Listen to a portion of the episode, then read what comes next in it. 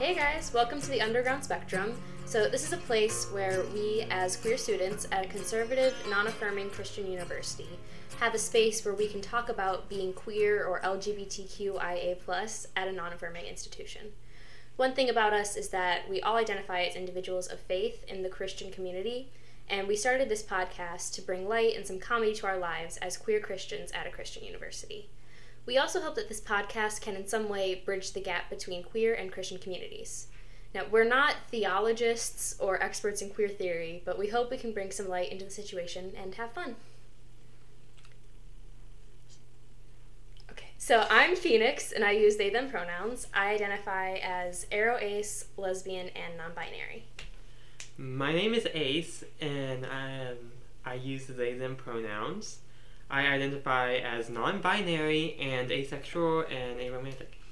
Hey guys, uh, this is Andy. I use she, her pronouns, and I identify as a lesbian. So, thank you so much for joining us on our second episode of the Underground Spectrum. And we thought um, we opened up the email for you guys last week, and I think we're going to start each episode by reading some of the emails that we got from other people. So we got an email saying, as a Christian father of a child on the LGBTQIA plus spectrum, I am grateful for the leadership you all are taking in this area. I pray that you will be led by the Holy Spirit and blessed through this podcast as you bless others. What a wonderful first podcast. Your loving hearts are shining through your words. Thank you so much. That's so nice. we, yeah. Yeah, we really hope so too. So yeah, if you have any questions or if you have any comments that you want to make, um, a message that you want to send to us, I guess, just mm-hmm. email us at the underground spectrum pod at gmail.com. Thanks for listening. All right. So, uh, this week, we wanted to talk about how do you survive in church? so, being a Christian, uh, traditionally you go to church every Sunday, and I guess being kind of queer, especially in college, deciding whether or not you should even go to church can be a difficult thing. So mm-hmm. I guess first off, do you guys go to church on a regular basis? I do. Yeah, I do too. I do too. so I guess um, we I wanted to talk about what are some obvious challenges I guess the first question is what um, are some challenges that you've seen going to church as a queer Christian? Well, the biggest challenge is obviously when someone who is like a leader of faith in your church stands up and says that you're going to hell for existing. That kind of hurts. Yup. Yeah. uh, def- yeah. yeah. yeah. What about you, Ace? Yeah, right now I'm I am attending church, um, but I found a really great sort of small group that is affirming. Um, so that has helped so much in just keeping me just intact with my faith. Mm-hmm. It's it's so important to find people that will love you and actually lift you up. That's awesome. Ha- growing up all my life in a non-affirming church is definitely been the hardest part yeah. about accepting myself and also challenging part to deciding whether or not I should still have faith or not. And in in this one episode, I cannot begin to even describe all the things that happens around the church with the queer community, but this episode specifically we thought we could kind of talk about different kind of tips and tricks that you happen to kind of form along the years where you can kind of s- are able to bring yourself because we still go to church week by week so what are some things that you started doing to help you do that well i think the biggest thing for me was i found people who are also christians and are either members of the queer community or are allies. So before I came to college, I had a good friend, and she's also queer and she's a Christian. So it was when I was discovering that I'm queer and like kind of coming to terms with that, it was really helpful to be able to talk to her about it because she'd gone through the same self discovery. And so she was a source of support for me when I was going through figuring it out and also dealing with the faith aspect because it is interesting to figure that out all at once. Yeah, I completely agree. I think having a group of friends that you go to church with, I guess go, transitioning from going to church with your family to going with mm-hmm. your college, one of the big differences is that you start going to church with your friends. And yeah. to me, that has been like a complete change in how church is for me and mm-hmm. for the I do miss my family, but like for the better, I think going to church with your friends have brought up this new door of me being able to choose in a way who I worship with. Mm-hmm. So one of the things that hurt me the most growing up is me feeling so alone in a congregation of what the preacher on the podium was saying about queer people and what's going to happen to me and knowing their opinions, I felt just so alone and I thought everybody around me also felt the same way. So having a group of friends that accept me for who I am and validates also my faith has been a total different spectrum like spectrum of a total different perspective in me going to church and it's all it's been a lot more enjoyable and it helps me continue going to mm-hmm. church and and I'm not going to say everything since then has been great because I've sat through churches even with my closest friends with the same narrative of queer people goes to hell. And they one particular sermon they said that they're going to burn in hell and burn like a tater tot. That was like the exact quote. And even that would have just absolutely destroyed me and made me just cry myself to sleep that night. But with going with friends, like we were able to kind of talk about it and debrief it, and we were like, you know, that is just simply not what we believe, and mm-hmm. don't think that people. so that has really helped me. Yeah, um, I mean, for me, it's I've gone to like the same church for a pretty pretty good portion of my life. Um, it's been I guess I haven't really thought about anything different until coming to like coming to college and just seeing how different things can be. Um, so yeah, I've I've had a fa- my fair share of just like sermons and stuff that didn't really rub me right, but I think it's important to sort of remember that like other people don't don't necessarily have the same experiences as, as you, mm-hmm. and that some people just maybe they they really just don't have anyone in their lives who that they really love and who is also on like the queer spectrum.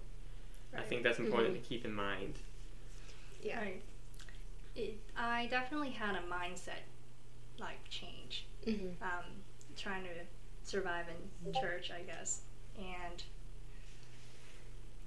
one of them, I think the biggest benefit for me, the biggest thing that actually kept me in church was that I accepted myself for who mm-hmm. I was. And once I was able to accept myself, I had a change in mindset of instead of listening to what the preacher have to say. I really, during the sermon, really try to focus on what God is trying to tell me through this human, I mm-hmm. guess. And I'm not saying that you should just not listen to anybody and just follow your own heart, but I do believe that um, what God's message is for us can be kind of filtered and changed through what how humans interpret it. So I guess sitting through in church, I would always like try to pray and try to really listen to what God is ultimately trying to say, if that makes sense. Mm-hmm. Yeah. Like, I stop letting what humans say affect me so much. And I, I guess I had, I started to like build like a faith of my own mm-hmm. and everything like that. So, but the biggest thing that I could do to help me with that is by like accepting myself. Yeah. Yeah. Like at the end of the day, it doesn't matter what the preacher thinks of me, it matters what God thinks. That's true. And I believe that he loves me no matter what. So exactly. We're cool. Yeah. yeah. Okay, so the another question that I have is how do you navigate through the um, kind of like the narrative of you see there's something wrong that's being said. You see how people are getting mistreated in the church. Mhm. you see what christianity stands for usually around queer people. But how are you able to still kind of not like how are you staying? And it's kind of like the bystander Mhm. I don't think it's an actual theory, but it's like a bystander thing where if you see it and you don't say anything or if you don't do anything, you're kind of also saying that it's okay. Like you're letting it Mhm. happen. And if you don't do anything about it, you might as well be saying that you think that it's okay. And how do you, and I, I understand that. I really do. Mhm. Because I do see a lot of hurt and like what anything that happened to people in the church. But how do you, like, knowing that, how do you navigate through that? That's a really hard one for me, especially because I don't actually like conflict. yeah. Despite having this podcast. I don't like conflict, yeah. Um, I like having time to sort of process stuff. I don't want to act purely on emotion um, or out of like rage. I try to avoid that. Um, and I try to just have a good, more idea of what I think's right, and just like have a good base out off of like people that I know and people that I trust, and just like have that support system. So if you do need to like confront someone, or maybe confront maybe is a strong word in some cases, but if you do need to like talk to someone, um, you have that support just there.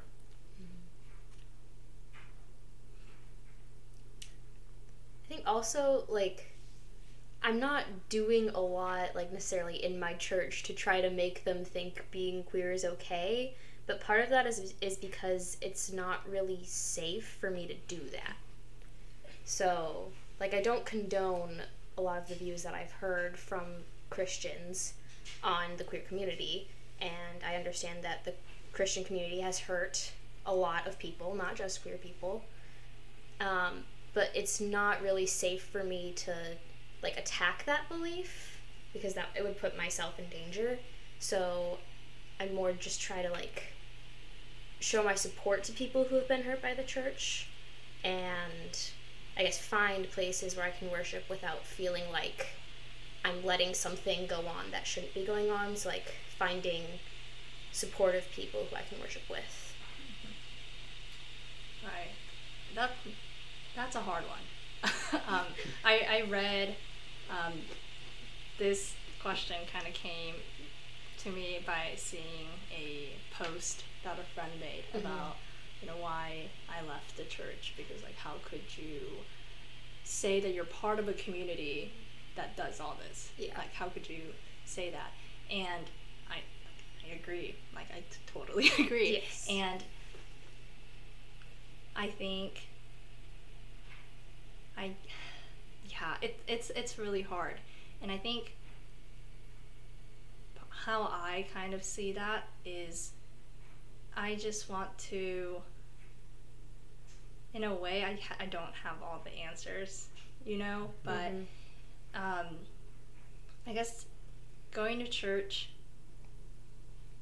I guess I, I just I want to.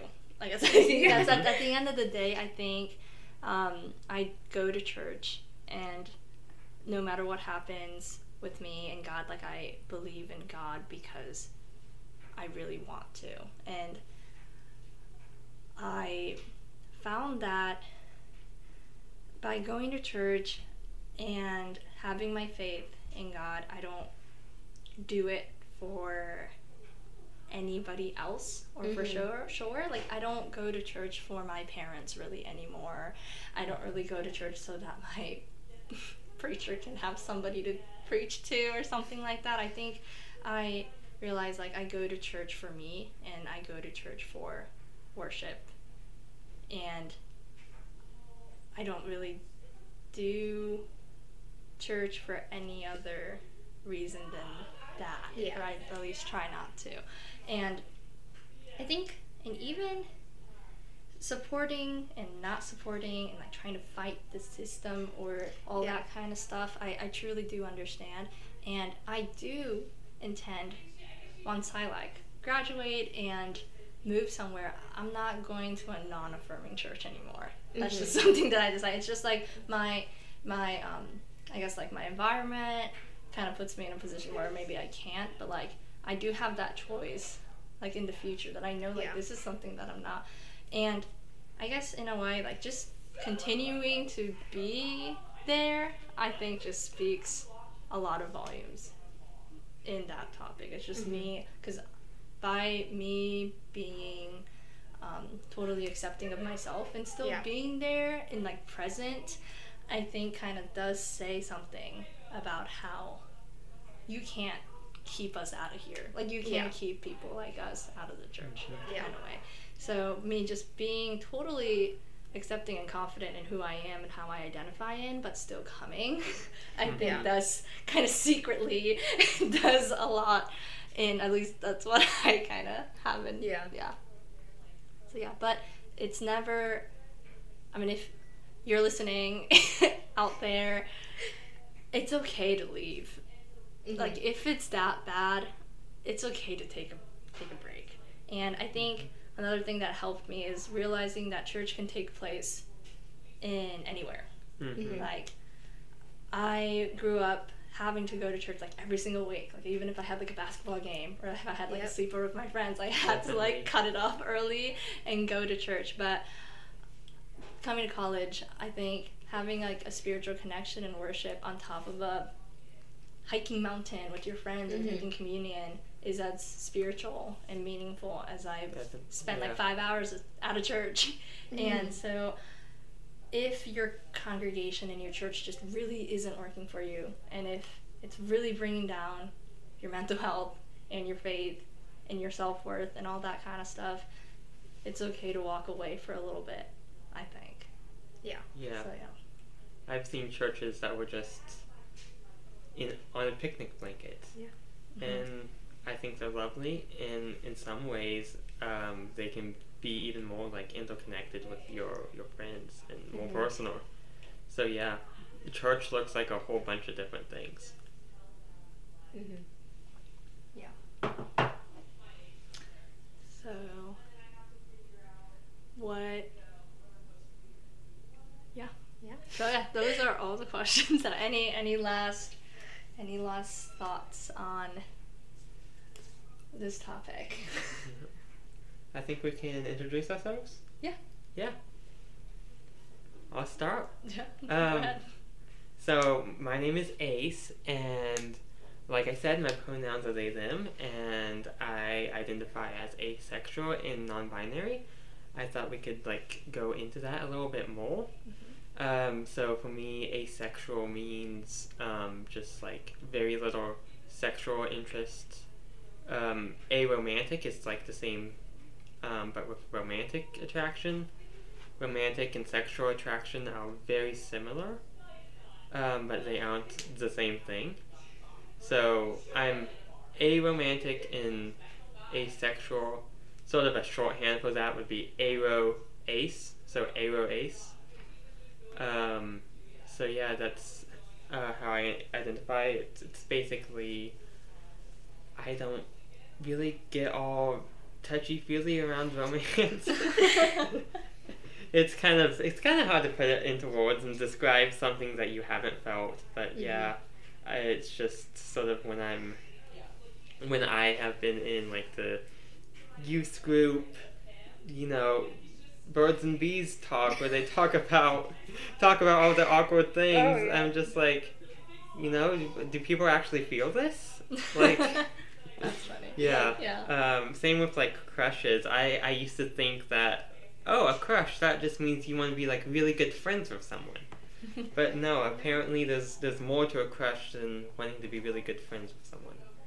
Um, so yeah, in non-binary, that's a little, a little harder to imagine, but um, it's like a spectrum on on the trans spectrum. It's where you don't really identify as male or female. Um, there's so many different like subcategories of non-binary. Um, I don't think I have found the right label for, for me yet. Um, there's just so many labels out there. And right now I'm just kind of okay with just the label non binary. But yeah, basically, I just feel comfortable um, not trying to fit into either gender. That's nice. Yeah. Okay.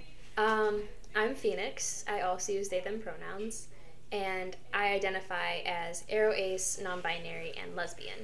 So, uh, for me, I I identify as asexual, and I don't feel any sexual attraction at all ever. Um, and I also identify on the aromantic spectrum. I currently use the term aroflux, but I'm not sure if that's the right word, but that's the one I've been using. Yeah, so like the amount of romantic attraction I feel kind of like fluctuates.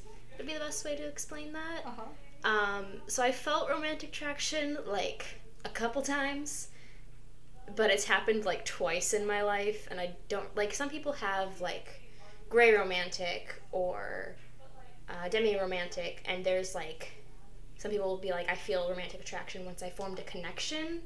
For me, I'm not sure if it's like connected to forming that emotional attachment with people. So I just don't know how to describe when it happens, but it's happened like twice that I feel romantic attraction. Um, and then for non binary, I don't identify as either male or female. Like, I'm just sort of neither of those. Which, like Ace said, like a lot of people experience non binary differently. Like, some people feel like they're multiple genders at once, or they're no gender, or they're partially connected to one gender. So I just use the term non binary because I feel like that's the best way to describe my gender because I don't feel connected to either male or female. So I don't feel like a binary gender, hence the term non binary. Um, and then I also identify as lesbian. So I am, when I'm romantically attracted to people, it's with women.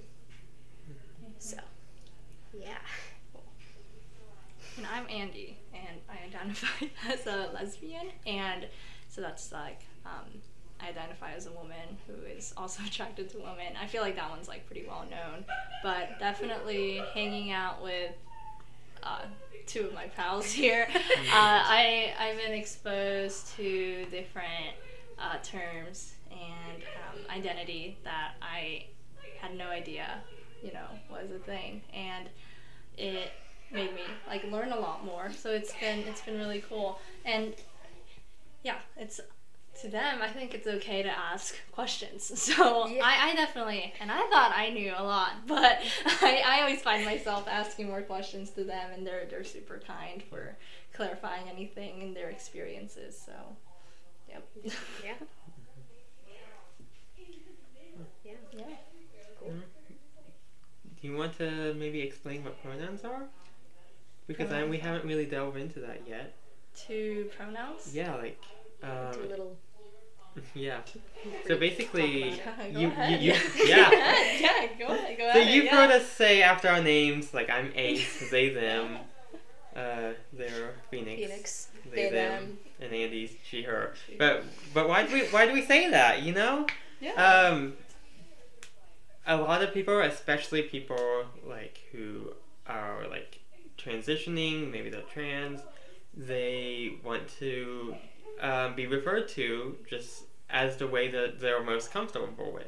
Like, um, so pronouns, um, if you, you might remember from what middle school English, they're like shortening, it's like a shorthand for someone. So if I'm talking about Phoenix, I would say they are awesome. Uh, Aw. yes. And if I'm talking about Andy, they uh Oh, she she is also awesome. Awesome. Yeah. Um, yeah. So that's how pronouns work. If you're new here, Yeah. Yeah, and so, yeah, So yeah, so any if you had any I guess questions about what we just talked about or Mhm. anything that you want to learn more about, uh, just please email us at undergroundspectrumpod at gmail.com and we'll be ha- answer we'll be happy to either you know answer you through email or maybe we can even answer it on the pod Yeah. Because if if you send us a really have good a question, question, maybe we'll talk about yeah. it. honestly. And if You can you be don't featured. know about it, it's most likely that some other people don't know about it too. And You sound like a professor right now. really, but that's a good thing, yeah. I mean, I I've taken too many classes, I think. but yes, so yeah, Ask your questions. ask questions. Don't be embarrassed. You can do it. Yeah. Dear listener, you can you, You can ask your questions. Seriously, you can ask us just as long as your question isn't hateful, Yeah. we'll look at it. We'll look at it. We'll answer it. yeah. So we are happy to answer your question. If you feel like it's a dumb question, ask it anyways. People are probably wondering the same thing. Yep. Yeah. Alrighty. So yeah, Yeah. a longer episode today, 26 minutes. But Yeah. Follow us on Instagram at Underground Spectrum Pod. Send us a DM. Follow us. We would love to have you. and yep. Yeah. Well, see Thanks for listening, episode. guys. Thank you for listening. See you next week. Bye.